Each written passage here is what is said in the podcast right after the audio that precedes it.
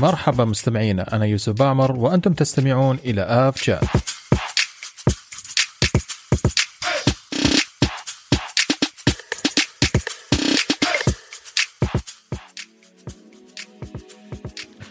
مرحبا مستمعينا في حلقة جديدة من آف شات حلقة اليوم راح يشاركني فيها زميلي العائد بعد حلقتين. أبو بكر مرحبا أبو بكر مساك الله بالخير. مساك الله بالنور أخي يوسف يا مرحبا. يا, يا حي وسهلا ويلكم باك آه ويلكم باك وجينا بعودة وحماس مشتاقين بأمان الحوارات يا حي وسهلا لما انا افتقدناك في الحلقتين الماضيات خصوصا حلقة آه، عبد العزيز. وانت وأنتم أكثر لكن لظروف خارجه عن الإرادة. لكن فيكم الخير ما شاء الله. آه، غطيتوا وكفيتوا بأحلى وأفضل صورة. الله يسلمك ويعافيك يا رب العالمين. آه، طبعا مستمعينا معنا كالعادة زميلنا فهد بن عرابة في الإعداد أنا المرة الماضية قلت في التقديم. آه قبل بداية كل حلقة دائما نعيد لا تنسوا تتابعوا حساباتنا على تويتر وإنستغرام والآن موجودين كمان على لينكدين اللي مهتم. آه وتستمعونا في جميع منصات البودكاست. أي منصة بودكاست مفضلة لك ابحث عن آف شات وإن شاء الله راح تحصل البودكاست. آه موجود. لا تنسوا كمان تقيمونا وتساعدونا على الانتشار. هذا يشجعنا دائما على تقديم المزيد. زي ما وعدتكم الحلقة الماضية إن هذه الحلقة بإذن الله تعالى راح تكون حلقة دسمة. آه، حلقة قد تكون فيها كلام ثقيل قد تكون مركزة شوية أكثر للناس المختصة والناس المهتمة بشكل كبير لأن راح نتكلم عن اتفاقيات مهمة جدا في عالم الطيران. طبيعة الحال أبو بكر عالم الطيران ما هو آه، ما هو شيء قام كذا بين ليلة وضحاها وإنما هناك في أشياء كثيرة على مدى التاريخ من بداية القرن العشرين تسلسلت أحداث أثرت في هذه القوانين واتفاقيات معاهدات على مستوى العالم. بالضبط. حتى ما وصل الطيران إلى ما وصل إليه آه الآن. فراح نعرق على هذه الاتفاقيات آه والمعاهدات اللي صارت على مستوى العالم. طبعا أهم معاهدتين آه تأطر مجال الطيران الجوي المدني هي طبعا معاهدة شيكاغو اللي أبو بكر أنت راح آه تشرحنا عن معاهدة شيكاغو آه وإيش اللي تمخض آه منها وكمان أنا راح أتكلم عن عن اتفاقيات مونتريال أو اتفاقية مونتريال اللي كانت بعام 1999 بشكل أخص. طبعا في البداية راح نعرج على السريع على عدد من المؤتمرات اللي حصلت قبل ما نوصل لاتفاقية أو مؤتمر شيكاغو ومؤتمر مونتريال. بكذا إن شاء الله أبو بكر إيش رأيك؟ إن شاء الله أعتقد البرنامج جيد بحيث نمشي عليه اليوم. جيد جدا ممتاز إن شاء الله تعالى. طيب آه وكر زي ما قلت راح أبدأ أنا ب راح أعرق على السريع عن المؤتمرات الدولية آه للطيران العالمي من بداية ال...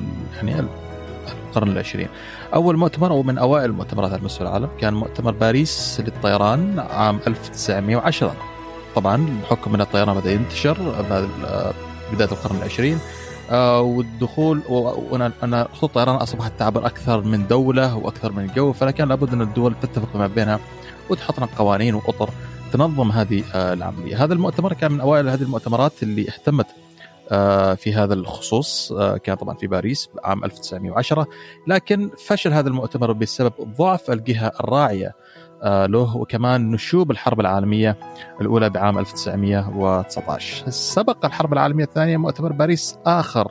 حقق بعض التقدم مهم في عالم الطيران. من ضمنها إن هذا المؤتمر الثاني مؤتمر باريس 1919 ابو بكر هو المؤتمر اللي يعتمد تسجيل الطائرات اللي نشوفها نحن حاليا الأرقام اللي نشوفها على الطائرات في هذا المؤتمر. اي نعم registration هذا المؤتمر اللي تم الاعتماد فيه. والتراخيص أيضا أو وتراخيص والإعتمادات للطائرات ال airworthiness notifications اللي تصدر أيضا تم اعتمادها آه، في هذا المؤتمر بالإضافة إلى رخص الطيارين أيضا تم اعتمادها في هذا المؤتمر وطبعا أيضا بعض القوانين العامة للطيران. أكيد فأكثر الاشياء اللي نشوفها الحين اللي هي registration و license الطيارين كان سببها أو بدايتها من مؤتمر باريس 1919 تبع مؤتمر باريس كذا مؤتمر آه، من أشهرهم مؤتمر مدريد في 1926 ومؤتمر هافانا في 1928 ومؤتمر وارسو 1929 آه، أهم إنجازات مؤتمر وارسو كان التوقيع على اتفاقية لتوحيد بعض القوانين على مستوى العالم آه، للنقل الجوي في 12 أكتوبر من 1929 آه، طبعا مع بعد انتهاء الحرب العالمية الثانية تقريبا إذا ما خاب ظني. آه بالضبط. هو أتوقع هذه الاتفاقية كانت في يعني اتفاقية وارسو كانت فيها يعني كانت خطوة جدا يعني خطوة كانت جدا تقدر تقول إنه فيها اتفاقيات كثيرة صارت وفارقة في عالم الطيران. ما قبل شيكاغو صحيح بالضبط. آه طبعا مع نهاية الحرب العالمية الثانية آه عندنا مرحلة الحرب العالمية الأولى ودخلنا في الحرب العالمية الثانية. مع نهاية الحرب العالمية الثانية قامت تقريبا 52 من دول العالم وبقياده من الولايات المتحدة الأمريكية والمملكة المتحدة وكندا. الاجتماع لتنمية وتشجيع قطاع الطيران المدني وأيضا مناقشة المستقبل بعد أي كارثة طبعا زي ما صاير معنا حاليا الحين بعد كورونا لابد دول العالم تجتمع مرة ثانية تبدأ تناقش آه، مستقبل الطيران وكيف تشجع آه، هذا القطاع. نتج عن هذا الاجتماع توقيع اتفاقية شيكاغو في عام 1944 اللي راح تتكلم عنها أبو بكر أنت بالتفصيل آه، اللي مهدت لنشأة منظمة الطيران المدني العالمي الايكاو. كمان وضعوا أو وضع وضعت المسودة المبدئية لاتحاد النقل الجوي الأياتا. كلهم صار من هذا الاجتماع. طبعا بالإضافة للحريات الخمس أو التسع وكثير من الاتفاقيات والقرارات آه، المهمة. تبع هذا المؤتمر طبعا لابد أن نفهم ان مع مرور الوقت آه، القطاع يتطور. وكان عدد الدول اللي تنضم إلى منظمة التطور عدد الطائرات في العالم تكثر تزداد فالمشاكل تزداد ف أكيد. وحركة وحركة الطيران زادت وعواقبها بتزداد مع معها بالضبط. طبعا عواقب وتحديات كمان. فعليه راح نلاحظ المؤتمرات الجاية جات لتتعامل مع هذه العواقب آه، والمؤتمرات. تلا هذا هذا المؤتمر مؤتمر مهم في طوكيو في 14 سبتمبر من عام 1963 هذا المؤتمر جاء على إثر الثورة الكوبية وعدد من عمليات عمليات خطف الطائرات. شيء ما كان معروف قبل بدأ يصير آه، في الستينات. من بالضبط. القرن. كثرت بدات بدأت في الستينات وتضاعفت حتى في السبعينات وإلى الثمانينات. أها بالضبط. فجاء هذا المؤتمر لوضع إطار عام للتعامل مع الأعمال المهددة لسلامة الأفراد أو الأصول على متن الطائرات المدنية. ركز على الكلمة هذه أثناء الطيران عند عبورها للأجواء الجوية. طبعا كل كلمة هنا لها معيار معين كل كلمة لها سبب معين آه، ما وضعت كذا. طبعا في هذيك الفترة قد يكون هذا الإطار لكن مع مرور الوقت راح نشوف بعض الأشياء وبعض العبارات راح آه، تتغير. حتى بعد مؤتمر كوبا آه، ظلت كوبا هي الملاذ الآمن لمختطفي الطائرات. أي شخص يختطف طائرة خاصة كان في أمريكا أو أمريكا الشمالية الجنوبية كان يسافر لكوبا وكانت أموره طيبة. وفرت كوبا أمان مكان آمن لهم للهروب من العواقب الدولية. الدولية. هذا الشيء بين وابرز بشكل كبير الخلل والضعف في اتفاقية طوكيو. خصوصا بعدد كبير من عمليات الاختطاف للطائرات ما بين 1969 إلى 70 تخيل خلال السنتين هذيلا. تخطى عمليات الخطف آه آه وتهديد وتخريب الطائرات ال 130 عملية. آه يعني ضربت البيك خلال السنتين هذه 69 إلى 70 يعتبر رقم جدا كبير في بالنسبة لعدد الطائرات والحركة في هذاك الوقت. طبعا طبعا. يا تخيل انت هذاك الوقت بهذا الرقم فكان شيء مخيف جدا. ضخم جدا مخيف نعم. تبع هذا آه، المؤتمر الأخير مؤتمر طوكيو مؤتمر آخر في هيج آه، من عام 1970 في هذا المؤتمر تم تصنيف اختطاف الطائرات كعمل إجرامي وخطير ومعاقبة المختطف بأشد العقوبات. ليش؟ لأن قبل ترى ما كان ضمن الجرائم إن يتم خطف الطائرة وحتى وإذا كان هناك عملية خطف طائرة كل دولة كانت تتعامل معها بشكل حر. مختلف. نعم لأن ما في شيء يلزمك أنت الدولة سين دوله صاد. طبعا هاي تعلمناها من عبد العزيز. بدل ما أذكر. أسماء. أسماء آه، ما كان في شيء يلزم على الدولة السين أو الصاد إنها تعاقب الجريمة هذه لخطف الطائرات بنفس المستوى. فطبيعي زي ما تناقشنا أبو بكر قبل شوي إن الدولة قد تعاقب مختطف طائرة 10 سنوات دورة ثانية آه، إعدام أو أو مدى الحياة. آه، تبع هذا المؤتمر مؤتمر آخر في مونتريال آه، في 71 ومؤتمر آخر في مونتريال أيضا في 88 كلهم تعلقوا آه، بالأعمال الارهابيه وخلافه. طبعا إلى وصلنا إلى مؤتمر مونتريال في 99 اللي هو نوعا ما تقريبا من أهم المؤتمرات بالإضافة إلى مؤتمر شيكاغو. أنا راح أتكلم عليها بعد ما تخلص أبو بكر مؤتمر شيكاغو. فأعتقد هذا كان عرقت على السريع عن المؤتمرات العالمية آه، لقطاع الطيران المدني العالمي أو الدولي آه، قبل ما ندخل في تفاصيل مؤتمر شيكاغو. فأبدأ بكر عن مؤتمر شيكاغو. إيش تفضل معنا؟ ما شاء الله عليك. أشكرك يوسف. عرقت على يعني أهم مراحل ونقاط المؤتمرات والاتفاقيات على في يعني من تقريبا من القرن الماضي إلى 1999 اللي هي راحت اتفاقية مونتريال. عركت عليها ما شاء الله بشكل جدا ممتاز. هي يعني تاريخ التسلسل التاريخي لهذه المؤتمرات جاءت على على على طلب ومعطيات الحدث في هذاك الزمن أو أو المجريات اللي بتصير في هذاك الوقت.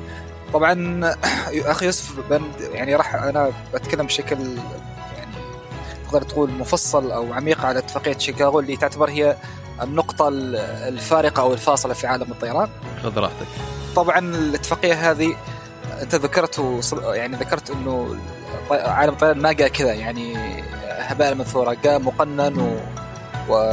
ب... ب... على على على أثر قوانين ونصوص واتفاقيات قامت بين دول دول العالم كلها. صحيح. ومن أه... ومن اهمها اتفاقية شيكاغو. طبعا الاتفاقية هذه كانت في ألف في عام 1944 تحديد في 7 ديسمبر. وعلى أثرها تم يعني الاتفاق إنه هذا اليوم يعتبر اليوم العالمي للطيران المدني.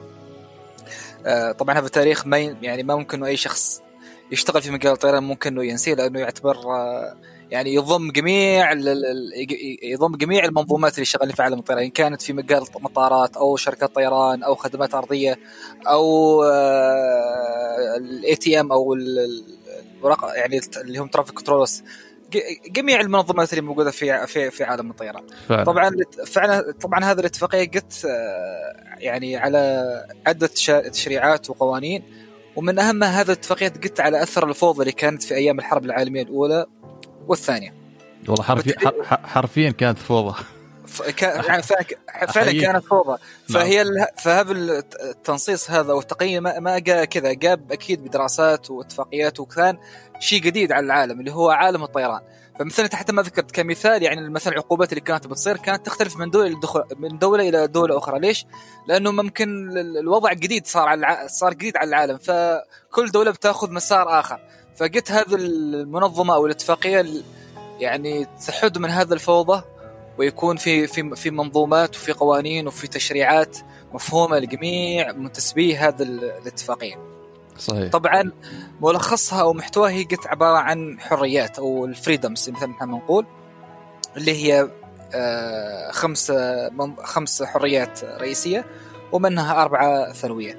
راح نمر عليها حرية وحرية أو نقطة نقطة وراح يعني أشرحها مع أمثلة بحيث إنه المستمع بحيث إنه يفهمها بطريقة سلسة وواضحة.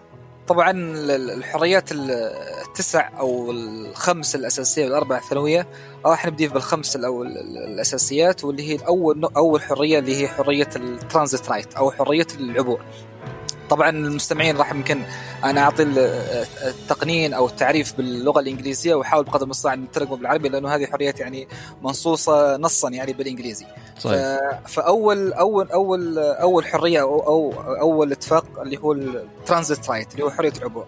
هو بشكل عام الحق في عبور الأجواء في بلد آخر من من غير الهبوط فيه. مثلا آه، رحلة من الطيران العماني متجهة مثلا إلى إلى مثلا القاهرة أو إلى مصر. ف يعني من الحرية إنها مثلا تمر فوق فوق الاجواء مثلا الإماراتية أو الاجواء السعودية أو الاجواء القطرية من ضمن الخطة الخطه الطيران أو خطة ال flight plan اللي عامليها بحيث إنه يوصل إلى إلى الجهة الوجهة, الوجهة أو الجهة المشهودة. صحيح. آه حق يعني جدا سهل ومعروف ومنشود ومن حق أي شركة أو من أي مشغل أو شركة طيران بحيث إنها تمر على الاجواء هذه إلا في استثناءات يعني يمكن إحنا ما نقدر نعرج عليها بشكل مثلا قانوني أو سياسي. الحرب الحرب واغلاق الاجواء وما إلى ذلك. آه بالضبط والأمور السياسية يعني. صحيح. فهي بشكل عام له حق لأي مشغل أو air carrier أو أي شركة طيران أو شركة شحن عبور الاجواء في بلد آخر من غير الهبوط فيه. بالضبط. طبعا هذه هذه البلدان الأعضاء في منظمة آيكاو أو اللي وقعت على شيكاغو سواء في وقتها أو ما بعد أو يعني. بعدها بالضبط اللي هي 119 دولة صحيح. أتوقع. نعم.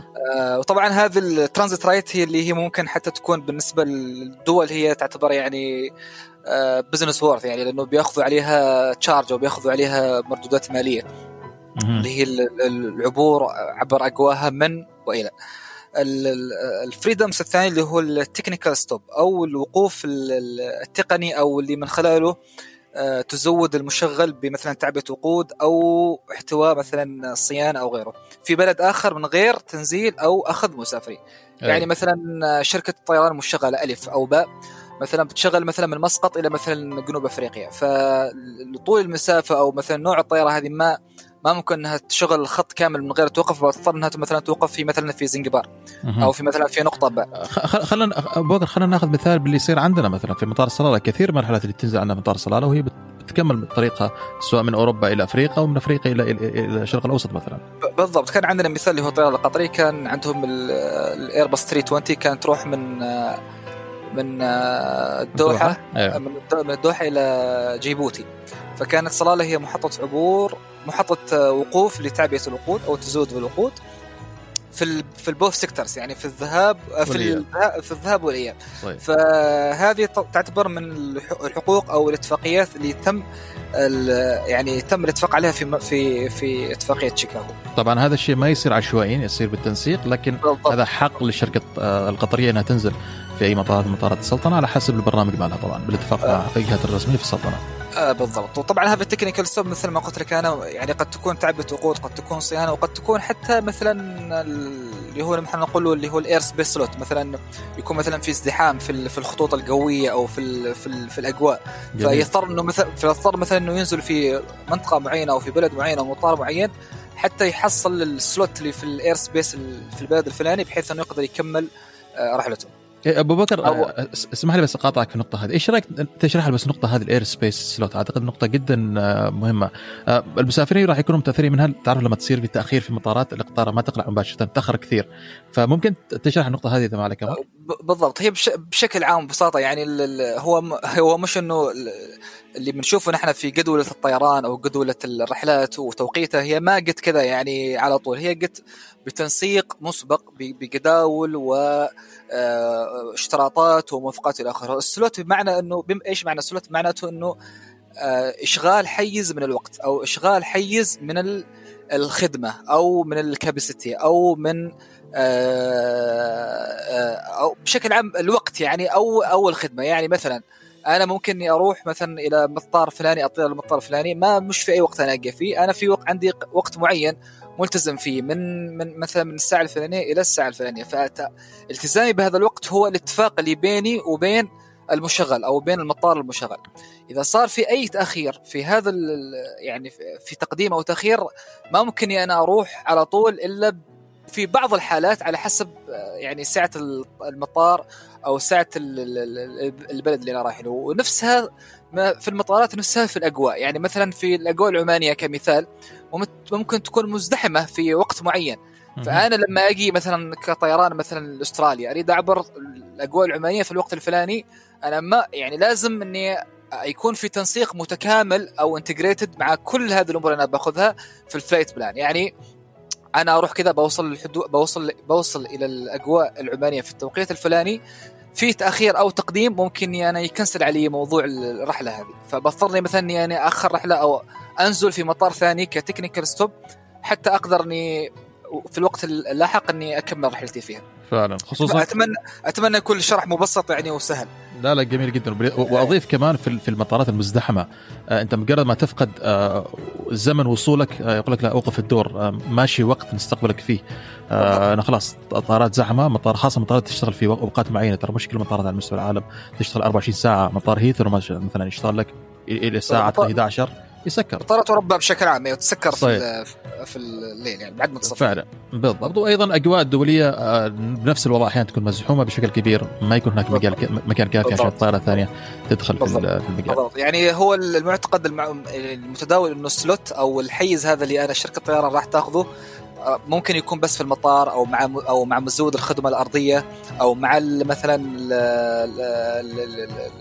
المشغل الأرضي. لكن في الواقع هي حتى مع ال ATC أو مع ال ATM اللي هي ال air traffic management أو ال air. أو ال air traffic control في بعض الأجواء بتكون مزدحمة أو في بعض الدول مقننه إنه مثلا في الوقت الفلاني نسبة العبور الطائرات مثلا تكون بنسبة معينة ما تكون مثلا full capacity فأنا قبل ما اخذ بعد ما آخذ ال slot أو الحيز في المطار اللي أنا أو ال destination أنا رايح لها في نفس الوقت لازم يكون عندي slot في ال air space فعلى الضوء هذه أتت اللي هذا اللي هو ال technical stop إنه من حق من الحقوق إنه المشغل إنه ينزل في أي دولة بحيث إنه ياخذ technical stop من كان تزود وقود أو أو صيانة أو لإزدحام معين أو تأخير معين في الاتفاقيات ال slot اللي بين المشغل وبين ال- بين المطار المشغل أو الجهة اللي بيروح لها. جميل جدا أبو بكر ما قصرت آه ننتقل إلى ال- إلى الحرية الثالثة أو الاتفاق الثالث اللي هو النقل التجاري، إحنا يعني ممكن بالإنجليزي نقول له يعني originating at home only. جدا بسيطة اللي هو مثلا الطيران العماني واللي هو ال home base ماله اللي هو إيش؟ عمان أو مسقط. أو. الطيران هو عماني آه، يشغل من مثلا من مسقط إلى بانكوك أو مثلا من مسقط إلى القاهرة أو من مسقط مثلا إلى السعودية أي آه، جدا بسيط وسهل آه، تباعا عليه يأتي الاتفاق ال freedoms الرابع اللي هو ال- النقل التجاري من بلد بلد آخر إلى بلد الأم اللي هو العكس. أنا مثلا اللي قبل قلت من مسقط إلى بانكوك والحرية اللي تتبعها اللي هي من بانكوك إلى مسقط. يعني أها. يرجع إلى يرجع إلى ال- ال- ال home base ماله أو ال home airport ماله. يعني الحرية الث- الثالثة تسمح لشركة الطيران أنها آه، تقلع من ال- الدولة اللي تنتمي لها إلى الدول الثانية أعضاء الأيكاو. والحرية الرابعة أنها ترجع من عضو من دولة من عضو من آه، دول الأيكاو إلى آه، الدولة اللي تنتمي إليها. آه، بالضبط هي هي تقدر تقول حريتين على يعني ب- بمحور واحد أو بكونسبت واحد يعني إنه. الهوم الهوم الهوم كنتري إنه يروح من ويرجع يعني هذا الثالثة وال- والرابعة. أتوقع. إنه واضح جدا. آه، سهلة ومقننة يعني أو منطقية نقدر نقول اعتقد هذا بسبب الأمور القانونية مقسمة بالشكل هذه ولا؟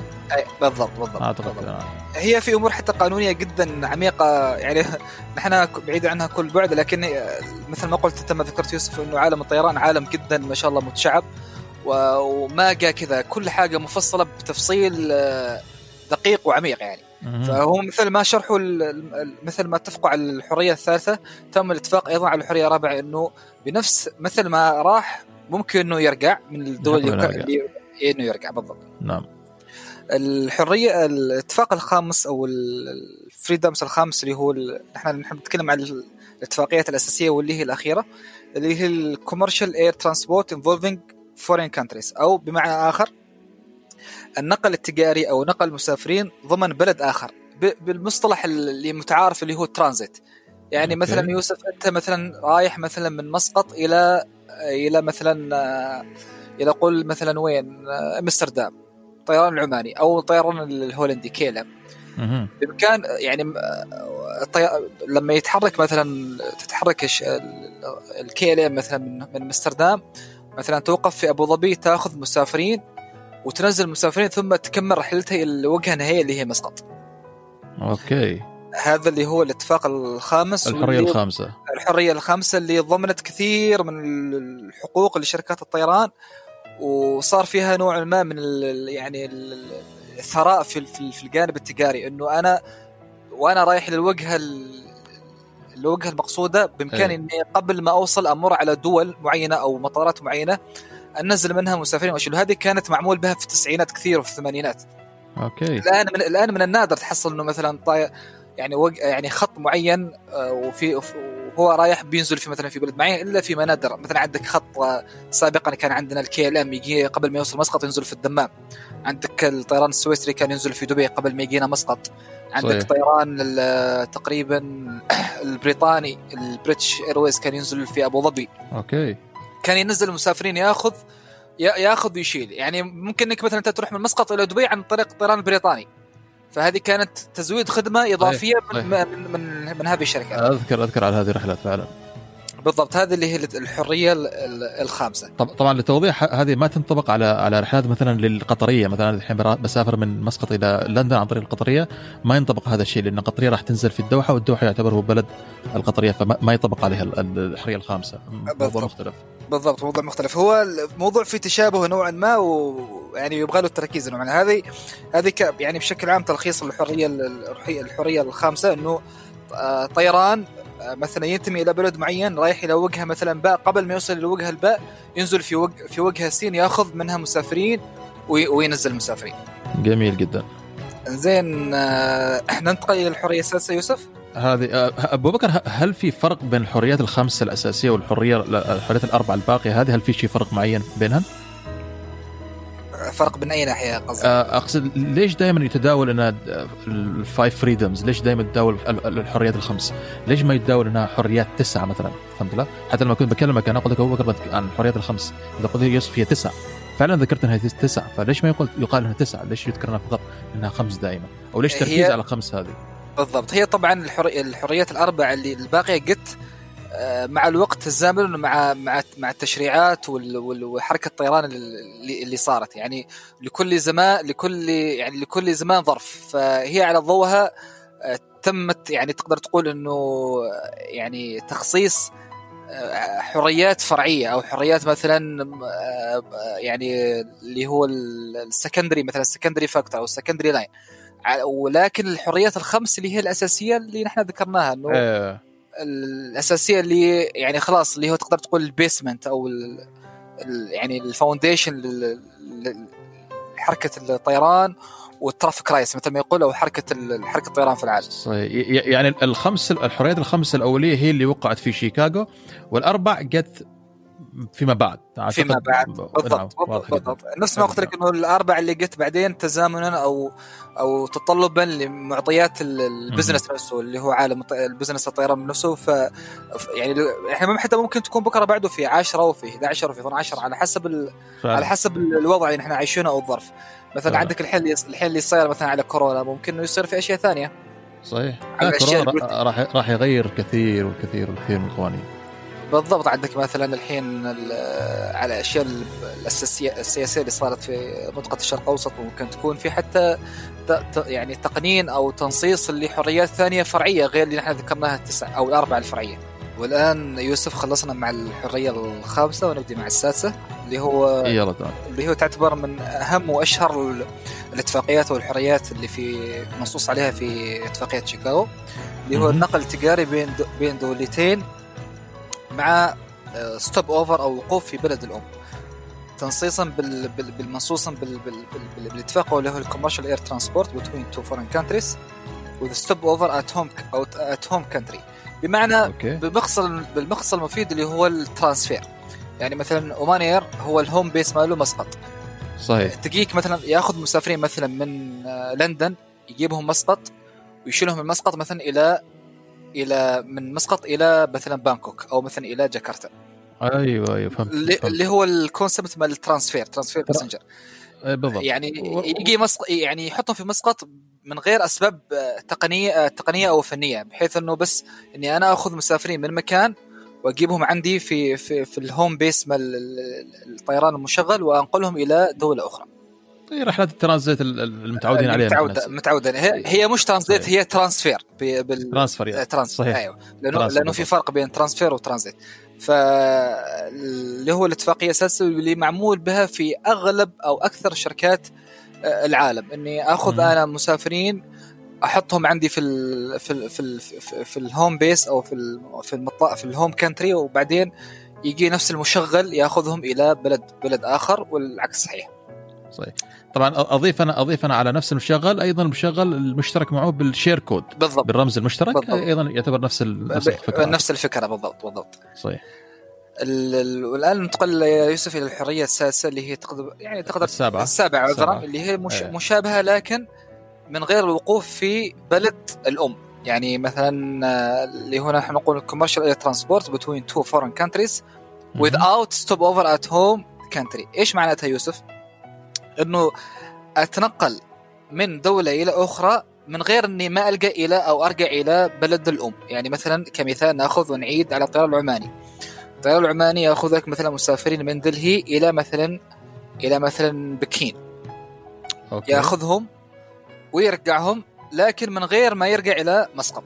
هذه مشغل يعني معمول فيها كثير في أوروبا. ممكن تعطينا حتى أمثلة يوسف؟ آه والله أنا صراحة جالس أفكر أنا منتظر أنت تعطيني أمثلة آه، يعني شفت أنا قلت لك إنه هذه الاتفاقية ما كانت موجودة قبل لكن صحيح. يعني يعني تماشي مع مع متطلبات السوق ومتطلبات ال air carrier الكبيرة إنه بحيث إنه بتشغل وجهات خارج عن بلدها أو خارج عن بلد الأم تعرف بكر وأنا بس جالس أفكر معك أعتقد راين اير يعتبر مثال لهذه الحرية بالضبط صح ولا لا؟ بالضبط وايزي جت نفس الطريقة ايزي جت yeah لأنها تنتقل في أوروبا من دولة إلى دولة بدون ما ترجع إلى مطارها الرئيسي أو أو دولتها. بالضبط. وخير آه وخير مثال وغير مثال على ذلك اللي هي ايزي جت يعني مثلا هي مم. هي بريطانية لكن تشغل مثلا من هولندا مثلا إلى تشيك أو مثلا من هو صحيح. أو مثلا من تشيك إلى مثلا المغرب وإلى آخره. نفس نفس الشيء عندك الطيران العربية كمثال العربي عندنا. آه عامل بنفس ال concept مثلا في المغرب العربي. مثلا بيأخذ مسافرين من المغرب إلى مثلا تونس أو المغرب إلى الجزائر. من غير ما يرجع إلى الشارقة. فعلا. فهو فعلا. هو يعتبر فرع من الحرية السادسه لكن من غير من غير تدخل أو من غير يعني it's not concluded the home country أو محتاج ينزل في البلد بالضبط الأصلي. البلد الأصلي. صحيح. آه واضح أتوقع. ومثال مثال قد رائع ننتقل إلى الحرية جميل. الثامنة أو الاتفاق الثامن. اللي هو نفس الشيء يعتبر مشابه لكن في يعني يعني في ال في أكثر من مطار لكن في بلد معين. ممكن أقولها حتى بالعربي اللي هو نقل تجاري في دولة أجنبية مع خدمة لبلد الأم. مثلا. آه، أوكي. أيوه. هنا لازم نوضح حاجة. هنا جميع الاتفاقيات السابقة كانت الرحلات دوليه ما بين دولة ودولة. بالضبط. هنا أنت تتكلم عن الدولة نفسها؟ الدولة نفسها. يعني أنا بعط... يعني بعطيك مثال. اللي هو يعني حتى نصها مثلا نكمل معاه اللي هو commercial air transport in foreign country يعني with with with يعني with service to the home country يعني مثال م- مثلا اومان اير مسقط اللي هو ال home base ماله. يطير مثلا من آه يعني مثلا من جدة إلى الرياض. من okay. جدة إلى الرياض في بلد واحد جده ورياض هو في بلد واحد اللي هو السعودية. أيه. من بعدها ينتقل إلى مسقط. يعني ال home country هو يعتبر اللي هو الوجهة الأخيرة. okay. فاهمني كمثال آخر مثلا في آه، قول وين؟ مثلا في قول في أعتقد الإماراتية والقطرية بيسووها في أمريكا أنا متأكد 200 200 بالضبط. مثلا يعني آه، أمريكا الدول الكبيرة خير مثال على الحرية الحرية الثامنة أو الاتفاق الثامن. يعني مثلا تقدر تقول مثلا القطرية شغل مثلا من وين مثلا؟ نقول شيكاغو إلى مثلا آه، ميامي. بعدين من ميامي إلى الدوحة. البلد, البلد الأم ترى في ال sequence أو في ال line نفسه. إيه. لكن يعتبر الأخيرة أو الوجهة الوجهة الأخيرة. الحين عندي سؤال ابو طيب أيوه. يعني الحين في الرحلة الداخلية هل يحق لشركة الطيران هذه الحين كمثال اخذنا القطرية إنها مثلا اخذت مسافرين من شيكاغو بتروح إلى ميامي هل يحق لها تنزل مسافرين في ميامي؟ تنزل مسافرين وتأخذ مسافرين بعد okay أيوه okay أيوه okay. يعني واضح. يعني two uh, points أو مثلا two sectors within one country أو within one foreign country وبعدين تروح إلى البلد اللي هو الأم الأخير اللي هو مثلا إيه، الدوحة مثلا كمثال أتوقع إنه واضح. هو يعني هذا يعني حالات بسيطة وكيسات بسيطة جدا اللي ممكن نادرة جدا لكن هي في النهاية منصوصه لأنها بتصير يعني فعليا بتصير. ومثل ما قلت أنت الإماراتية والقطرية هي مثلا خير مثال أو خير برهان على هذا الشيء. مثلا عندك كانتس مثلا مثلا ممكن يسويها مثلا آه، آه، مش كان ما أقول لك كانتس يعني والله نحن دائما نحط الأمثلة على الإماراتية والقطرية. ممكن الإماراتية تأخذ مثلا من بيرث وخير وخير من وخير من حط عليها الأمثلة يعني. بالضبط. مثلا مثلا مثلا مثلا يروح هو من الدوحة كالسكتر الأولي الدوحة بيرث. فينزل مسافرين وياخذ مسافرين من بيرث بعدين يروح من بيرث إلى سيدني في نفس الدولة اللي هي أستراليا بعدين يرجع إلى الدوحة. فعلا. واضح. واضح جدا. واضح جدا. وهو اللي هي الحرية الثامنة اللي هي ما قبل الأخيرة. الاتفاق أو الحرية التاسعة هي نفس نفس المبدأ لكن مع تقديم خدمة من غير تقديم يعني إحنا وش قلنا with الحين without service to the home country أوه. أيوه هذا اللي هو الختام المسك يعني. يعني كمثال مثلا تقدر تقول لفت هانزا آه، مثلا بيطير مثلا من ملبورن إلى بيرث. الحين هذه الدولتين كلها في أستراليا. لكن من غير ما يرجع مثلا إلى ميونخ أو ألمانيا. إلى ألمانيا. okay. فهمت الفكرة؟ فهمت اللي هو ال commercial air transport in foreign country without service to the home country. هذه هاي تحسها الجزء تغطي ال sector يعني النص إيه. الأول من الاتفاقية الثامنة. بالضبط. النص الأول من غير يعني النص الأول النص الأول من الاتفاقية الثامنة نحن قلنا الاتفاقية الثامنة اللي هو يعني with the service home country لازم ترجع. هذه ما ترجع. هذه ما ترجع. بدون ما ترجع. وهذه تقدر تقول ممحورة أكثر في ال domestic flights ممكن إنها تصير لأن نحن ما ذكرنا إحنا الاتفاقيات السابقة أو السبع يعني من السبعه وأنت نازل كانت بين دولتين. أو بين يعني بين دولتين أو بين منظومتين. أما أما الثامنة والتاسعة في يعني في دولة واحدة. يعني يعني يعني باختصار أي شركة طيران آه، غير وطنية وبإمكانها تشغل في أي دولة ثانية بالضبط من ضمن عضو ال- بالضبط. منظمة الأيكاو بالضبط يعني مثلا نفس ما ذكرت لك مثلا لوفت هانزا مثلا يعني ممكن يطير مثلا من ملبورن إلى بيرث في يعني okay. either the both in استراليا يعني كلهم في في بلد واحد لكن من غير ما يقدم خدمة إلى مثلا ميونخ يكون هو. هو يكون. شغال في في هذاك البلد وعندك مثلا القطرية كانت خير أتوقع في 2014 2015 في السعودية اللي هو المها أي. هو طيران قطري أو شركة طيران قطرية أو هو أو طيران اقتصادي كان أو line ثاني من الطيران القطري كان شغال في السعودية.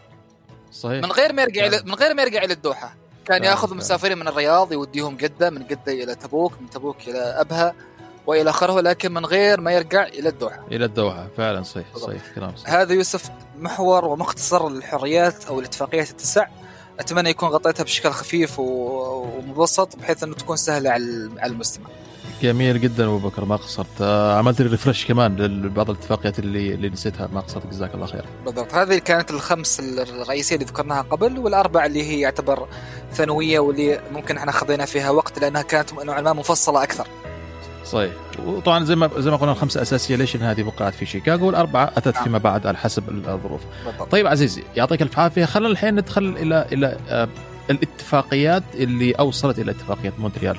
99 طبعا في المقدمة اللي, تكلمت فيها تكلمنا عن عمليات الخطف والتهديد والتخريب اللي حصلت آه، في عالم الطيران. آه، من بعد مؤتمر هيج اللي كان في 1970 حيث آه، تم تصنيف اختطاف طائرات كعمل اجرامي وخطير وأنها تعاقب بأشد العقوبات منها الحبس المؤبد أو حتى الإعدام عقد هناك أيضا أبو بكر مؤتمر ثاني في في مونتريال آه، من عام 1971 في هذا المؤتمر تم تجريم جميع الأعمال الإرهابية المهددة لسلامة الطيران.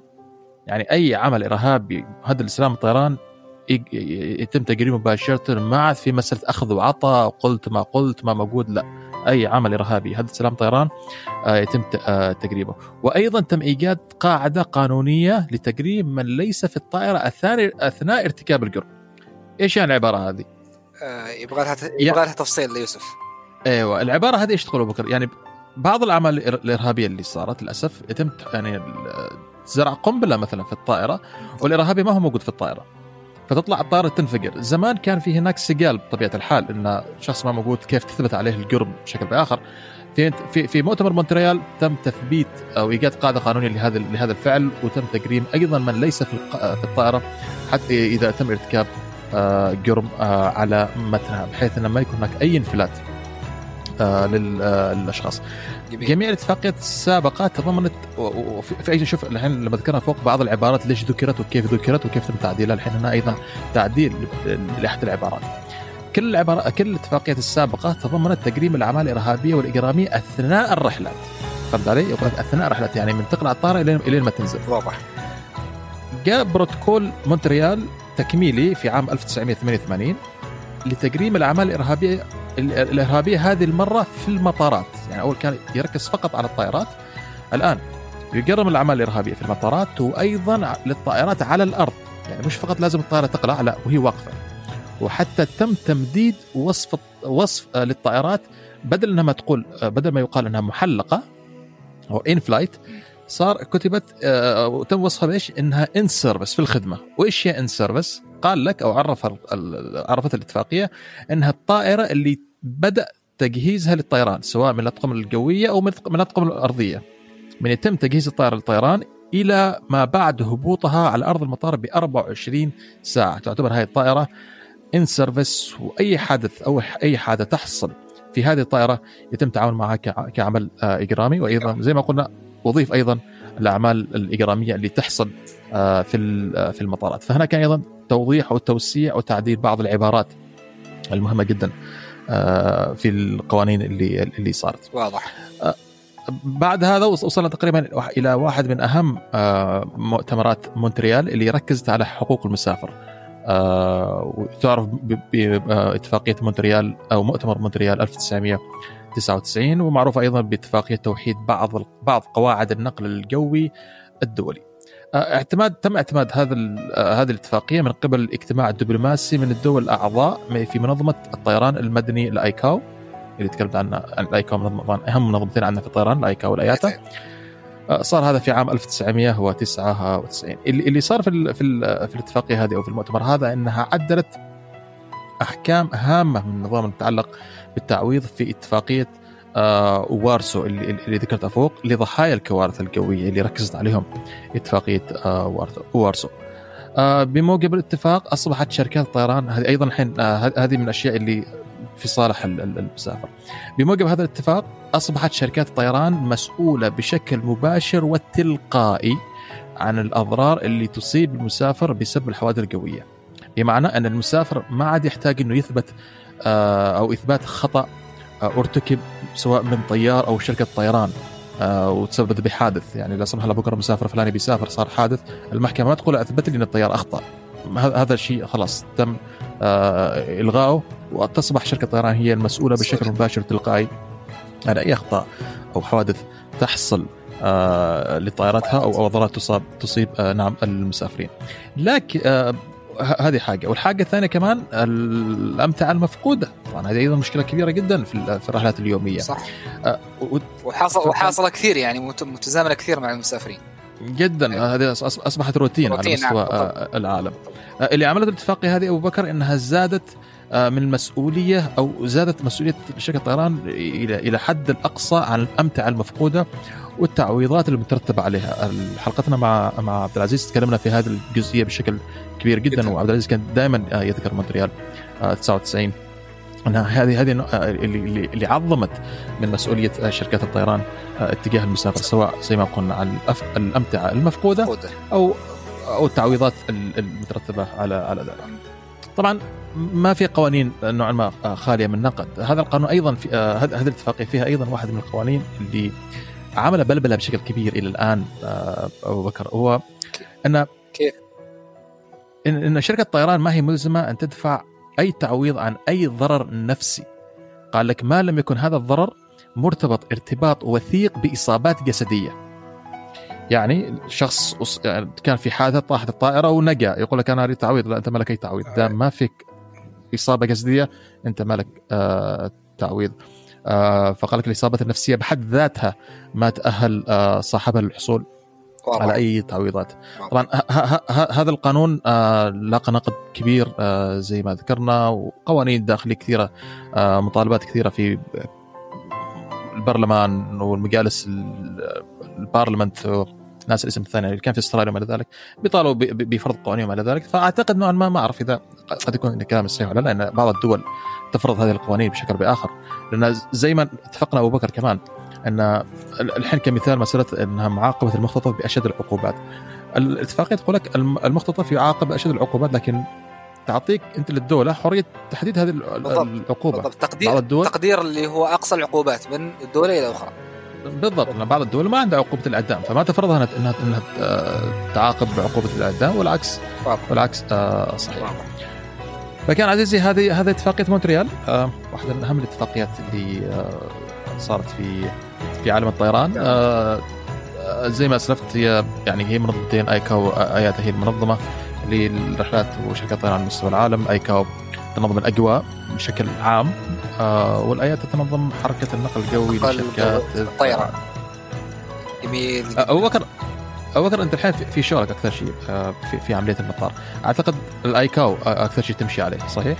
بالضبط. أنا أنا ك, ك... يعني وضعي آيكاو أكثر. مم. يعني الايات الآيات في في تدخلنا في من ناحية تنظيم بال يعني تنظيم وتقدر تقول تفاصيل اللي هو اللي تخص الشركات الطيران لكن ما مش إنها أكثر من تنظيم المطارات. جميل جميل جدا. فأنا مايل لايكاو أكثر من IATA أنا ترى سبحان الله حتى لما كنا بنتناقش ليش خذك تاخذ المونتريال؟ كذا كنت تفكير يا أخي قلت يمكن حسب شغلك مونتريال قد يكون متعمق فيه شيء أكثر. بعدين بعدين لما جلست اراجع ناس تعال تعال هذا ما له دخل أبو بكر في العالم. في المطار مش شركة طيران؟ جزاك الله خير يوسف عرقت على اتفاقية مونتريال بشكل جدا حلو. يعني نقدر نقول إنها الآليات والتفاصيل اللي تتعامل مع الأضرار اللي تخص المسافر كمثلا حدوث موت أو ضرر أو أو مثلا حوادث أو جروح أو ايا كانت. ونفس الشيء مع الأضرار اللي تخص اللي هو الباجج والكارغو إلى آخره. هو طبعا هي مفصله يعني قانونيا أنا أتوقع إنها أعلى مني ومنك وحتى من أي مثلا شخص خ... يعني مختص في القانون لأنه آه هو يبغى لها شخص محنك بحيث إنه فعلا يطلع أنت حقك من من من, من شركة الطيران هذه نفسها. لأنه شركات الطيران هي جدا ذكية في هذه الأمور. يعني ما ممكن ما ممكن إنك تاخذ منها حق بالسهل. ف يعني على مثل ما يقولوا يبغى لها شطارة يعني. يبغى لها شطارة. يعني انت أنت ذكرت وعرقت عن الأمور العامة لكن هي نفس لك هي تكون مقننة كثير ومفصلة كثير وتختلف تقديرها من بلد إلى آخر. والمثال اللي ذكرته هو يوسف هو يعني خير مثال إنه مثلا أقصى العقوبات تقديرها يختلف مثلا من من دولة إلى أخرى. ممكن دولة مثلا تقول لك إعدام ودولة أخرى تقول لك خلاص هذا مثلا 10 سنوات وانتهى الموضوع. فعلا. حتى حتى عبد العزيز لما كان بيتكلم عن القوانين كان دائما يذكر إن إن القوانين اللي عندنا في السلطنه كمثال آه، هي متماشية مع اتفاقية آه، مونتريال. فهمت لا؟ عشان مثلا زي ما قلنا إن نعم هناك إطار عام ولكل دولة تحط آه، قراراتها الداخلية وعقوباتها بما يتماشى مع قرارات واتفاقيات سواء مونتريال أو المعاهدات غيرها. تمام أبو بكر بكذلك أعتقد غطينا الاتفاقيتين بشكل جيد جدا. جدا جميل, آه للأمانة. طيب عزيزي خلينا ناخذ فاصل وندخل في الأخبار. طيبين؟ طيب. يلا مستمعينا ناخذنا فاصل سريع ونرجع لكم بأخبار هذا الأسبوع إن شاء الله. خليكم معنا. الموسيقى الخلفية لهذه الحلقة اخترناها من خطوط الكافي باسيفيك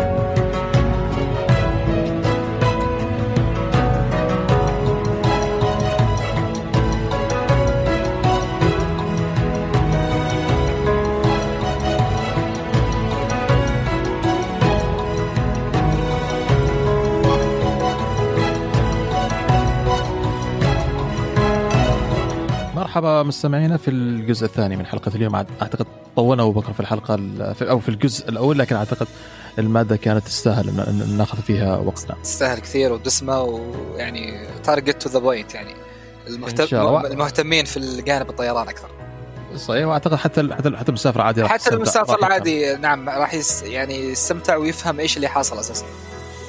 نعم صحيح. ترى نفس أنا قبل ما أعرف هذه الأشياء ترى يعني الاشياء ما كانت واضحة بالنسبة لي لكن لما تفهم الفكرة إيش صايرة كيف الاتفاقيات جالسه تمشي تكون عندك الصورة بشكل أوضح. أوضح. طيب ويربط الأحداث اللي صايرة أساسا في العالم إنه كيف اي نعم. إيش اللي صار هناك وهناك وهناك. صحيح صحيح. طيب باشا خلينا نفتح الحين أو نبدأ بالجزء الثاني من حلقة اليوم بالأخبار. طبعا دائما نبدأ بالأخبار المحلية هي خبرين ثلاثة على السريع. أبدأ بالخبر الأول أبو بكر الجوائز الخمس نجوم اللي حصل عليها الطيران العماني وكثير من شركات الشرق الأوسط. آه، بالضبط. هي يعني يعتبر اللي هو الخبر الدارج لهذه الأيام في عالم الطيران اللي هو آه، منظمة ال APEX اللي هي المنظمة يعني تعتبر من المنظومات أو ال أو ال نقدر نقولها المصنفين في العالم لخدمات الطيران والسفر. حالها حال اللي هو ال Skytrax وال وغيرها كثير من المنظمات أو أو الشركات اللي معنية في, في هذا الأمر. طبعا من الأخبار الجميلة إنه كل شركات الطيران في الخليج حصلت على تصنيف الخمس نجوم اللي هي طيران الطيران العماني وطيران الاتحاد والإماراتية والطيران السعودي وطيران الخليج. والطيران القطري والطيران الكويتي بالإضافة إلى طيران ال Middle East اللي هو نقل وطني لبنان. لجمهوريه الجمهوريه اللبنانية. جميل جميل جدا. آه، خبر جميل ومفرح وغيرها. كثير من الشركات في في العالم حصلت على تصنيف خمس نجوم. صحيح. والخبر الثاني اللي هو نوعا ما يعتبر آه، قد يكون مش محزن بقدر ما هو ممكن غريب إنه شركات عالمية كبرى حصلت على تصنيف الأربع نجوم.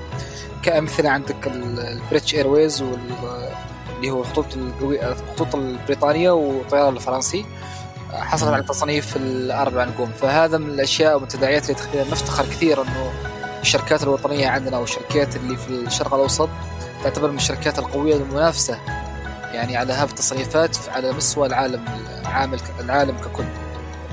طبعا قبل ما الكثير يهاجم كيف طيران عمان يحصل على على خمس نجوم. اللي يعطي الجوائز هذه أو اللي يقيم شركات الطيران ترى هم المسافرين أنفسهم. نعم آه هناك استبيانات عشوائية تحصل آه تصير في تقريبا كل المطارات وكثير من الشركات تقوم بهذه الاستبيانات. وبناء على هذه الاستبيانات تطلع هذه النتائج وتمنح هذه الجوائز سواء زي ما ذكرت أبو بكر سواء كان في APEX سواء كان في ال World Travel and you know بالضبط وول ترافل والسكاي تراكس هذه يعتبر من أك... من أهم خمس ثلاث يعني آه، منظومات مختصة في هذا في هذا الجانب. نعم صديقي وألف مبروك لجميع شركات الطيران سواء طيران عماني وطيران شركات طيران الخليج. آه كلها ما شاء الله تبارك الله وإن شاء الله من أفضل إلى أفضل إن شاء الله تعالى وأيضا يكون عام 2021 انطلاقة قوية للشركه هذه إن شاء الله. آمين يا رب. قد تكون قد تكون هذا عامل اندفاع لشركات الطيران إنها خلاص تستعد إنه 2021 هي إن شاء الله سنة خير وتفاعل عليها من بعد بعد الأزمة الكبيرة اللي مروا فيها في في العام الحالي. بإذن الله تعالى. تمام عزيزي الخبر الثاني يوسف عذرا الاختصار آه. ممكن APEX اللي ما يعرفه اللي هو نقدر يعني اختصار اللي هو ال Airline Passenger Experience Association يعني اللي هي منظمة لشركات الطيران لتجارب شركات لتجارب المسافرين في شركه الطيران. جميل جدا. وهذا شغلها هي تقيس تجارب المسافرين على مختلف شركات الطيران وتصنفها على حسب النتائج اللي تحصل عليها بالضبط بالضبط واضح. تمام أوكي. نبدأ بالخبر الثاني عن آه، مع الطيران العماني. آه، طبعا بدأ يعيد آه، تشغيل رحلات. الفترة الماضية كانت دائما مركزه على طيران السلام يا سعيد.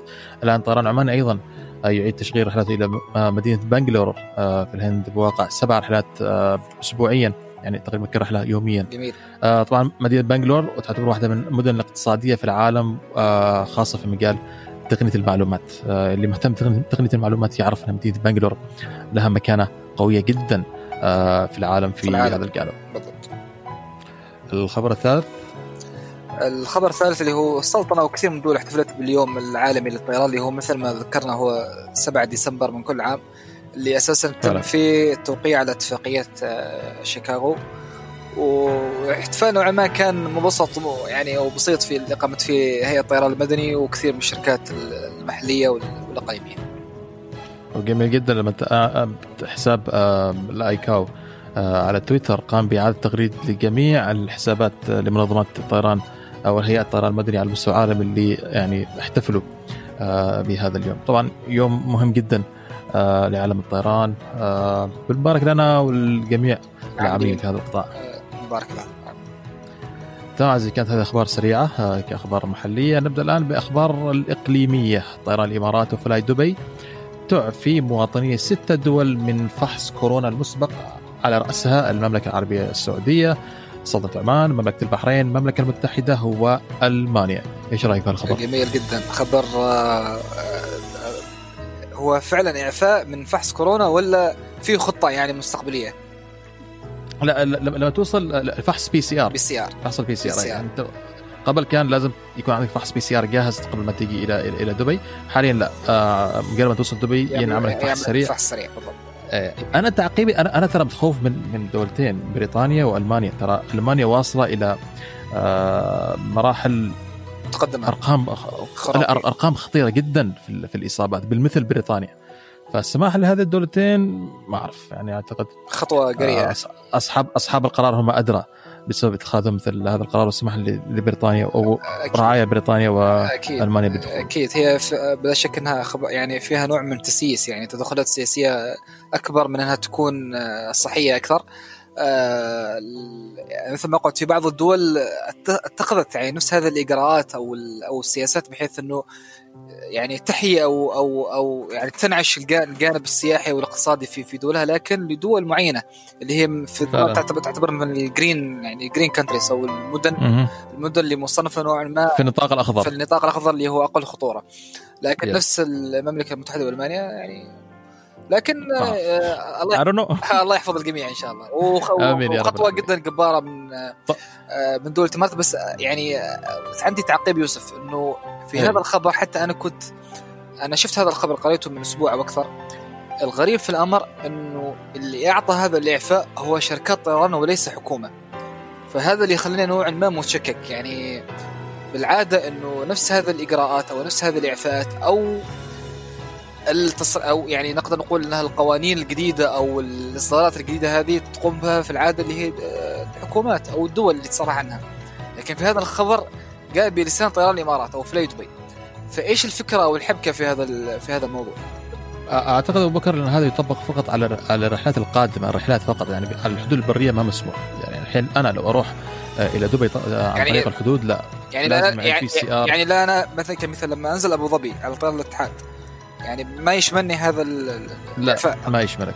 ابدا ابدا. يشمل فقط للمسافرين القادمين إلى دبي مباشرة عن طريق شركات الطيران. ممتاز. مش حتى الحدود أو دخول لها يعني نوع نوعا ما كان من التسويق يعني. شركات الطيران يعني شركات الطيران في هذه الحالة شكلت ضغط كبير أو عبء كبير على الحكومة إنها بحيث إنه تسمح لها إنه نحن كشركات طيران كبرى في العالم إنه يكون عندنا إعفاء من فحص كورونا المسبق. وطبعا بالاعتماد على على إجراءات موجودة هناك فحوصات سريعة وما إلى ذلك. طبعا هذا الشيء ما موجود فقط في الإمارات هذا موجود أكيد. على مستوى العالم في دول آه، دول كثيرة. جهز الجاهزية بتكون كبيرة عندهم في مطار دبي لأنه أنت بتستقبل. آلاف المسافرين وتعملهم فحص كامل. وقدها وقدها اخوانا أكيد أكيد قدها. عبء كبير لكن خطوة جميلة وجبارة بحيث إنه يتم إنعاش وتيرة التعافي في في في عالم الطيران. والحمد لله الحين كورونا اللقاح في الطريق بإذن الله تعالى. إن شاء الله بإذن الله. إن شاء الله. تمام عزيزي الخبر الثاني معك الخبر الثاني يوسف اللي هو دائما تقوم فيه طيران الإمارات في الأعياد الوطنية بحيث إنه تم يتم تشغيل الايرباص 380 اللي هي الايقونه الجميلة في عالم الطيران كنوع من الاحتفالية بالأعياد الوطنية. طبعا قامت فيها أكثر مرة في يعني لما تكون ال 380 غير مجدوله لهذاك الوجهة يتم تشغيلها. مثلا كانت قبل في مسقط والمنامه والكويت وعدة دول. هي الفكرة إنه نوعا نوعا ما تسويقي أكثر لأنه 380 يعتبر آه، أيقونة تسويقية في في عالم الطيران فتم تشغيلها لمنام اليوم احتفاء واحتفالا بالعيد الوطني البحريني وكل عام والشعب البحريني بألف خير. كل عام والأخوان في المملكة البحرين بكل خير وعافية آمين آمين وبإذن الله السنة القادمة والسنة الجاية إن شاء الله من نمو إلى نمو آمين. ومن أفضل لأفضل إن شاء الله. هذه تسمى في العالم الطيران أو في الجانب التشغيلي اللي هي one off operation اللي هو okay. اللي هو يعني تشغيل اللي هو مؤقت لغرض معين يعني.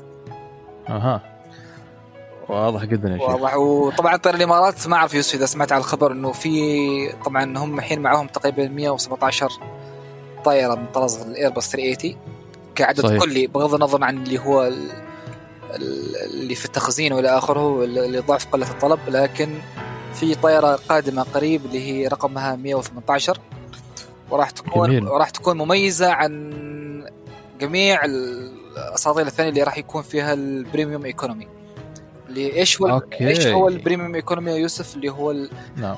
ال class اللي ما بين ال economy وال business يعني المسافر صحيح. اللي ما مرتاح في الدرجة السياحية ولكن في نفس الوقت ما قادر إنه يدفع إنه يكون في ال business class أو في ال first class فهذا ال premium economy هو الخيار البديل والمناسب جدا بحيث إنه يترفه ويعيش الأجواء بحيث إنه هو في درجة رجال الأعمال لكن في الواقع هو في في في وضع ما بين وبين. طبعا هذا ال premium economy ما موجود في جميع شركات الطيران واجد معمول فيها في أوروبا. آه، بس طيران فعلا كثير شركات طيران اوروبيه بالضبط. فطيران الإمارات كان سباق. ما هو سباق بس يعني يعني دشنها لأول مرة لأنه الاماراتي الإماراتي معروف. هو عنده economy و business class و first class فهل الطيارات راح تكون الأولى من نوعها في أسطول الطيران الإماراتي بحيث إنه يتم تدشين درجة ال premium premium economy وأتوقع راح يكون عليها طلب جدا هائل. جميل جدا. أنا أنا بنفسي صراحة أتحمس كثير لل premium economy اذا إذا مسافر على ال economy وحصلت خيار لل premium economy دائما أعمل upgrade آه هذه. وطبعا زي ما قلت هي ما هي بتكلفه ال business class لكن تعطيك ميزات جميلة سعة كفاية عندك لل... الله يكرمك للرجول. المقاعد شوية أكثر سعة وأكثر أكيد. اريحيه هي السد... إيه. هي استهدفت فئة يعني أتوقع إنه الفئة ممكن الأكثر يعني اللي الناس اللي بيسافروا ممكن ما يقدر يشتري ال business بحيث بحيث إنه تكلفتها جدا باهظه وفي نفس الوقت ال economy نوعا ما شوي متعب بالذات في الرحلات الطويلة. فال premium premium economy هو خيار جدا مناسب. طبعا سبقوه الطيران الاماراتي هو الخطوط الجوية الكويتية. عندهم premium economy. في ال triple 7 الجديدة اللي معاهم. أتوقع تروح إلى لندن وإلى نيويورك وتايلاند أتوقع ونفس الشيء طيران الاتحاد من زمان هو موجود عنده لكن للأسف تسويقيا آه، شوية مش ظاهر. فعنده تقريبا طائرتين من triple 7 dash 200 LR. عنده نفس الشيء يعني مدشين اللي هو ال premium economy إلى كندا تورونتو إلى آخره. رحلات طويلة يعني. okay okay. معلومة جديدة للأمانة. يعطيك الف عافية. في تمام آه، عزيزي الخبر الثالث عن القطرية أنها تطلق أولى رحلاتها إلى سان فرانسيسكو في 15 ديسمبر الجاري التي تجعل من الخطوط القطرية الشركة الوحيدة التي تطير إلى هذه المدينة آه، الشركة الوحيدة أعتقد آه، أقصد في الشرق الأوسط التي تطير إلى هذه المدينة الرائعة بوابة السيليكون على على على, حسب وصف فهد. رايق شكله فهد لما كتب الخبر هذا لا, لا واضح واضح. جميل جدا. تمام عزيزي الخبر الرابع معك كمان القطرية. الخبر الرابع يوسف تماشي مع خطة التوسع اللي قامت فيها الشركات الكبرى من ضمنها الخطوط القوية القطرية. هي تطلق ثالث وجهة منذ بدء انتشار جائحة كورونا لأفريقيا اللي هي رواندا حيث تستمر الشركة ببرنامج توسع مستدام مثل ما شرحنا من قبل كان جدا ضخم ومميز ويعني رجعوا إلى إلى إلى السوق بقوة. مع القطريه وكل التوفيق لهم.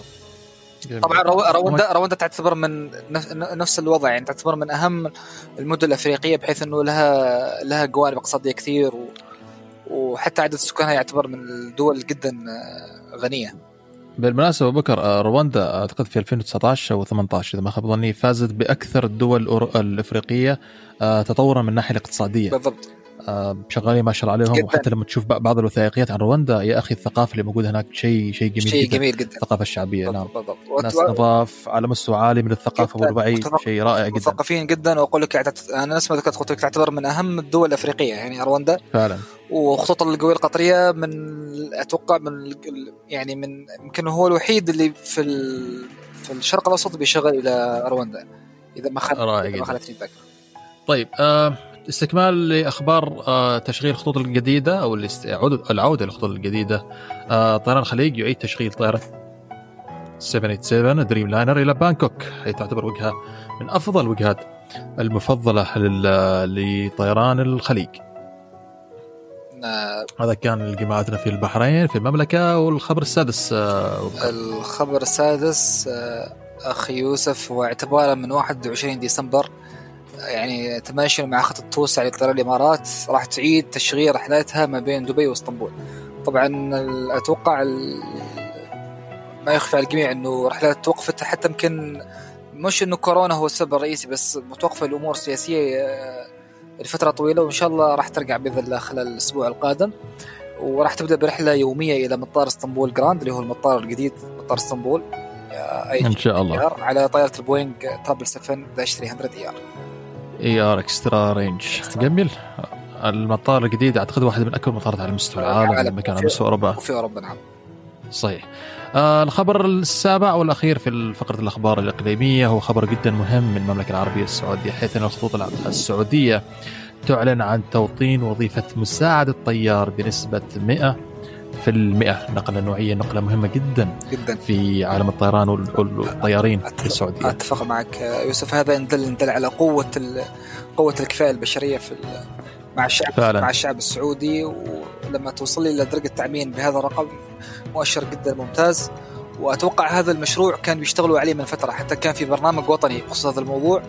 يتم توطين جميع ال first officers اللي هو في جميع شركات الطيران السعودية. وها واليوم صحيح. واليوم اعلنوا عنها و- برافو عليهم. برافو والله نعم برافو عليهم. طيب عزيزي ننتقل الآن إلى الأخبار العالمية. بسم الله. آه الخبر الأول خبر آه شركات السياحة في الهند تخطط لتدشين حزم آه حزم سفر ثلاثة ليالي إلى بريطانيا. قول ليش؟ ليش؟ من أجل الحصول على لقاح كورونا لقاح فايزر. معقوله؟ الآن اي نعم إيش آه، الفكرة؟ معقولة و... الفكرة أن الآن بريطانيا آه، وافقت على آه، لقاح فايزر. بامكانك تحصل عليه هناك؟ حتى لو كان فلوس يعني اللي بيسافر ما راح يسافر عشان ياخذ اللقاح مجانا. فشركات على طلب كثير من من من الناس من المسافرين في الهند يريدوا يسافروا إلى بريطانيا حتى يحصلوا على اللقاح هناك. فيا بدأت شركات السياحة تخطط إنها تقدم الحزم. آه، لثلاث أيام اللي يبغى يروح بريطانيا ويحصل على اللقاح ويرجع. فهذه سياحة جديدة. والله السياحه كذا خبر خبر غريب يا يوسف. اي والله. أنا أعرف الحزم ثقيل نوعا ما ترفيهي أكثر مش إنه آه، تدشين حزم بحيث إنه الحصول على اللقاح ويرجعوا. ممكن لأنه الوضع عندهم ممكن شوية مست ف جميل. يا ما أعتقد. وضع في الهند أيضا من الأماكن الصعبة جدا التحكم فيها ولا يعني وضع الوبائي نوعا ما قد يكون آه، متعب جدا متعب جدا. آه، في الهند. طيب سيدي الخبر الثاني معك. على طار الحزم حتى الطيران الاماراتي نفس الشيء أعلن إنه راح يتم في يعني بالنسبة للرحلات اللي هي الترانسفير إنه إذا كانت عدد عدد الساعات اللي هو ال MCT اللي هي أو وقت ال connection time طويل يوفروا لك فندق ويوفروا لك مواصلات ووجبه آه، عشاء أو غداء كنوع من ال- ترويج السياحه لطيران الإمارات. okay okay. تمام. آه ماشي خلاف. آه نبدأ بالخبر الثاني أبو بكر. بس تقرب المايك أبو بكر شوي. الله يخليك ما عليك الخبر الثاني اللي هو وكالة سلام الطيران الأوروبية اللي هي ال EASA اللي معروف عنها تقرر الإبقاء على الحظر ومنع دخول الخطوط الجوية الباكستانية أجواء الدول الأعضاء اللي منتسبة إلى إلى- اللي منتسبة بمعنى إلى هذه الوكالة. كما طلبت من السلطات الباكستانية رفع مستوى السلامة وتحسين عملية إصدار رخص الطيران التجاري للطيارين. طبعا هذه أتت مثل تفضل يوسف. يا قول كمل كمل. طبعا هذه. هذه أتت آه، يعني آه، تباعا على الحادثة اللي صارت في آخر من الطيران الطيران الخطوط الجويه الباكستانية في لاهور. لاهور أتوقع. صحيح. واللي مات فيها جميع المسافرين وجميع الطاقم الطيران وعدد من كان على الأرض يعني لأنها طاحت في منطقة مأهولة بالسكان. بالضبط بالضبط. وكشفوا عن ان أن التراخيص كثير من الطيارين كانت تراخيص مزورة. مزورة مزيفة بالضبط. صحيح صحيح. فنعم أعتقد قرار آه، معقول جدا. آه، ما دام الباك- الباكستانية ما قدرت تثبت إنها حسنت من عملية الإصدار رخص ومراقبه وتدقيق أعتقد يعني الغريب في الأمر إنه الخطوط الباكستانية تعتبر من أعرق الخطوط في العالم. يعني كانت زمان لما تجلس مع يعني نجلس مع أبانا وأجدادنا لما نقول في الثمانينات والسبعينات لما يسافر يقول لك الطيران الباكستاني هو يعتبر المشغل الرئيسي في الشرق الأوسط. طلعت أنت طلعت شيبة أنت؟ دام عندك سوالف من لا السبعينات أكيد. أكيد فترى طيران عريق يعني لا تستهزي فيه. طبعاً، هو طبعاً. بس ظروف ظروف الوقت اللي أجبرته إنه يكون نوعا ما وللأسف الفساد كمان أكيد، يعني حتى أكيد. هذا اكبر أكبر أسباب آه، الفساد من حق من حق أي منظومات يعني إنها تمنع ال- الخطوط إلى إلى اشعار آخر. بس آه، شغال يعني في الخطوط في الوجهات الأقليمية شغال ومن ضمنها مسقط يعني وصلاله حتى. يلا. الله يحفظ الجميع إن شاء الله. آمين يا رب العالمين. آه، الخبر الثالث إغلاق المبنى رقم أربعة في مطار هيثرو في لندن لنهاية عام 2021 بسبب ضعف الطلب على السفر. التاثيرات اللي لا زالت الكورونا لكن نأمل إن شاء الله على نهاية 2021 يعني الحركة القوية تتطلب إن شاء الله تشغيل سواء هذا المبنى أو على مستوى العالم إن شاء الله. كامل إن شاء الله إن تعالى. شاء الله. هو عندهم أربع مباني صح؟ تقريبا يوسف ولا خمسة قصدي؟ تقريبا. خمسة. اعتقد خمسة okay. الخامس اللي هو الجديد. اللي أو اللي هو آه، عذرا قيد الإنشاء يعني. يعني حتى الإنشاء بيوقفوه حاليا. أكيد أكيد أكيد. طيب الخبر الرابع. الرابع يوسف إنه شركة ريان اير اللي هو يعتبر من أكبر شركات ال low cost carrier أو الاقتصادية في العالم تقدم طلب شراء 75 طائرة من طراز البوينغ 737 ماكس. في ظروف مثل هذا ومع يعني امتناع الشركة عن ذكر قيمة الصفقه لأنه أتوقع أو من المرجح أنهم حصلوا على صفقة جدا كبيرة ومربحة لأنه صفقة جدا متكتمة وغير معلن عنها وعن تفاصيلها ابدا. و100% أو الأرجح أنها راح يحصلوا على deal جدا قوي. فعلا. وواضح في الفترة هذه إن تطلب طائرة 75 طائرة من ماكس أعتقد. بعد السماح آه،. بعد السماح لعودتها للطيران طبعا. نعم ما راح يصير له فعلا إذا كان صفقة. آه، على طاري ال و- 75 طائرة على طاري الماكس اقص كلامك ترى أول أول شركة طيران في العالم تسمح لل آه، للماكس بالعودة هي شركة طيران برازيلية. أعتقد ذكرت الخبر أنا في الحلقة الماضية بس بالضبط. الحين بس قلت طيب سيدي الخبر الخامس آه، بريطانيا تعفي القادمين من المملكة العربية السعودية من اجراءات الحجر الصحي أعتقد هذا خبر معقول جدا. بحكم المملكة الآن ما شاء الله المنحنى الوبائي عندهم في تسيطر في سيط تحت سيطرة بشكل كبير جدا. والارقام عندهم الحمد لله صارت بانخفاض فأعتقد طبيعي جدا إن المملكة تصبح الآن الآن من الدول اللي في النطاق الأخضر آه، ويسمحوا لها بالدخول آه، بدون اجراءات حجر صحي. وبالمناسبة لما تتابع أخبار بريطانيا أساسا أساسا بكر إذا أنت داخل كبزنس ترى يا تفضل ما عندك لا حجر صحي ولا حجر آه، مرضي ولا أي شيء يعني. آه، هذه هذا وضع في بريطانيا. يلا.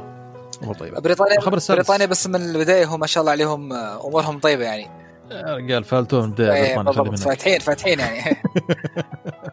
زين الخبر السادس يوسف اللي هو الطيران كانتس الاستراليه إيه. تفرض على مسافريها تلقي لقاح كورونا. أي بمعنى إنه قبل ركوب أي رحلة أو أي طيارة من ضمن خطوط يعني Qantas إنه لازم لازم المسافر يكون immune آه، أو يعني آمن. عنده شهاده شهادة لقاح إنه أخذ لقاح. بالضبط. آه، أتوقع حتى خبر ذكر؟ أتوقع حتى الشركات كثير راح تتبع نفس النهج. بالضبط نفس ما ذكرنا هذا الخبر كان أعتقد في حلقتين في حلقة أعتقد مع عبد العزيز ان المنطقي جدا إن هذا آه، كثير من شركات الطيران تتخذ مثل هذا القرار. طبعا قانونا الدول ما تجبر الشخص إنه يأخذ قرار لكن هذا قرار داخلي لشركة الطيران وتقدر هي تطبقها طبعا داخل. على من يريد أن يسافر عليها. واضح. آه على طار اللقاح الخبر السابع آه تفاؤل عالمي واسع لعودة نشاط الطيران يشكل بشكل واسع مع توقعات بارتفاع كبير على السفر والفندقة وطبعا هذا الشيء نشوفه أيضا على أسعار النفط اللي قاعد ترتفع رويدا رويدا الحمد لله. الحمد لله الثامن معك أبو بكر؟ الثامن آه، يعني على التفاعل والتفاؤل اللي ذكرته انت قبل في الخبر السابق العودة لوتيره النشاط الطيراني يعني بيرجع بشكل ما شاء الله واسع وملحوظ. ارتفعت على ضوءها الأسهم العالمية لشركات السفر والسياحة وحتى شركات الطيران. طبيعي. فهذا فهذا طبيعي حتى تعود يعني صعود بشكل سريع وبالذات مع تزامنها مع استخدام بدء استخدام اللقاحات ضد فيروس كورونا.